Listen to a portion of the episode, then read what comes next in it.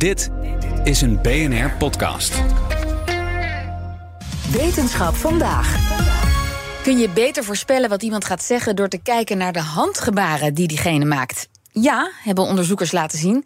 Nou, voor iedereen die luistert, uh, bekijk ons op YouTube in de livestream. Want uh, wetenschapsredacteur Carlijn Meinders, is dat echt zo? Ik maak nu een vragend gebaar. Ja, met duimpje omhoog. Uh, het is natuurlijk wel iets genuanceerder. we weten al dat we veel meer dan alleen woorden gebruiken als we met elkaar in gesprek zijn. Denk aan gezichtsuitdrukkingen, knikjes, ja of nee schudden. En dus die handgebaren. Mm -hmm. Nou kun je denken, als je elkaar goed kunt verstaan en er is bijvoorbeeld geen achtergrondgeluid, dan heb je die helemaal niet nodig.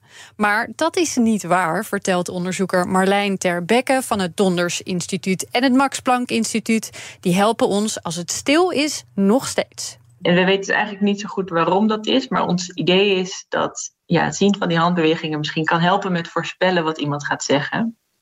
Dus wat we weten is dat als je naar iemand luistert, zoals nu luister je bijvoorbeeld naar mijn verhaal, dan is je brein eigenlijk als luisteraar constant bezig met het voorspellen wat ik hierna zou kunnen gaan zeggen. Dus je bent niet heel passief gewoon aan, aan het wachten en dan hoor je elk woord wel binnenkomen, maar je bent actief echt aan het voorspellen wat er gaat komen. En wat wij graag wilden weten is of het zien van die handbewegingen ook zou kunnen helpen met het maken van zulke taalvoorspellingen. Ja, dus op naar het lab. Jazeker. Uh, daar lieten uh, Terbekke en haar collega's steeds twee vrienden met elkaar in gesprek gaan.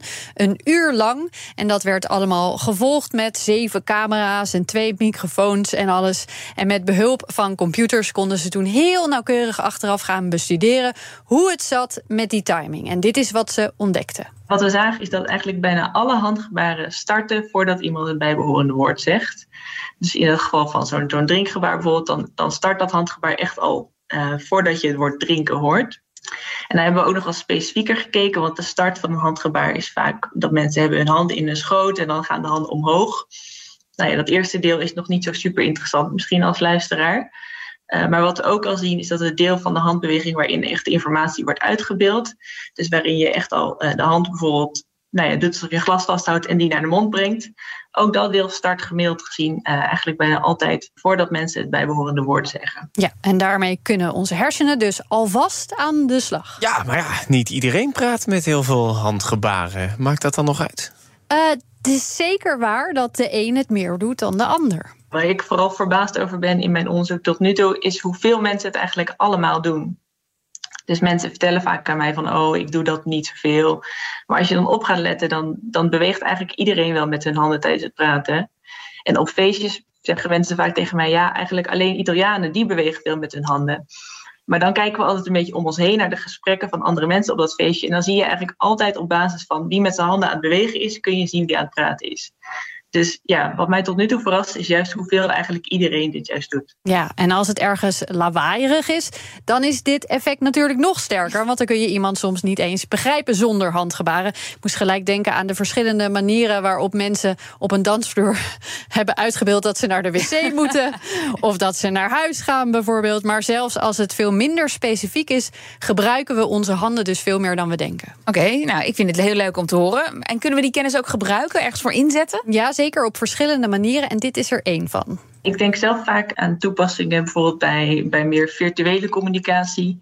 Dat we ook zien dat, dat bijvoorbeeld uh, in nieuwe technologieën, zoals het communiceren met avatars of het communiceren met robots, dat ik denk, ja, bij, door al dit onderzoek wat we weten over hoe belangrijk het lichaam is, is het ook echt belangrijk dat die, dat die virtuele avatars en robots uh, dat die ook met hun lichaam kunnen communiceren. Ja, en dat dat dan dus ook echt op een manier is die natuurlijk overkomt. Want daar gaat het vaak nog wel eens mis. En is het onderzoek dan hiermee gewoon afgerond? Nee, zeker niet. Ze zijn alweer bezig met een vervolg. Wat we in dit onderzoek zagen is dat dus op basis van die timing... dat het voorspellen van wat iemand gaat zeggen op basis van handgebaren mogelijk is.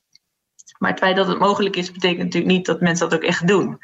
Dus wat voor mij echt de volgende stap was, uh, en waar ik ook al mee bezig ben geweest, is echt kijken, kunnen mensen nou echt die voorspellingen maken? En gebeurt dat ook echt in het brein? Dus als ik tegen jou zeg, uh, wil je wat? En je ziet al dat mijn hand naar mijn mond gaat alsof ik wat ga drinken, voorspelt jouw brein dan ook echt dat ik mogelijk het woord drinken ga zeggen?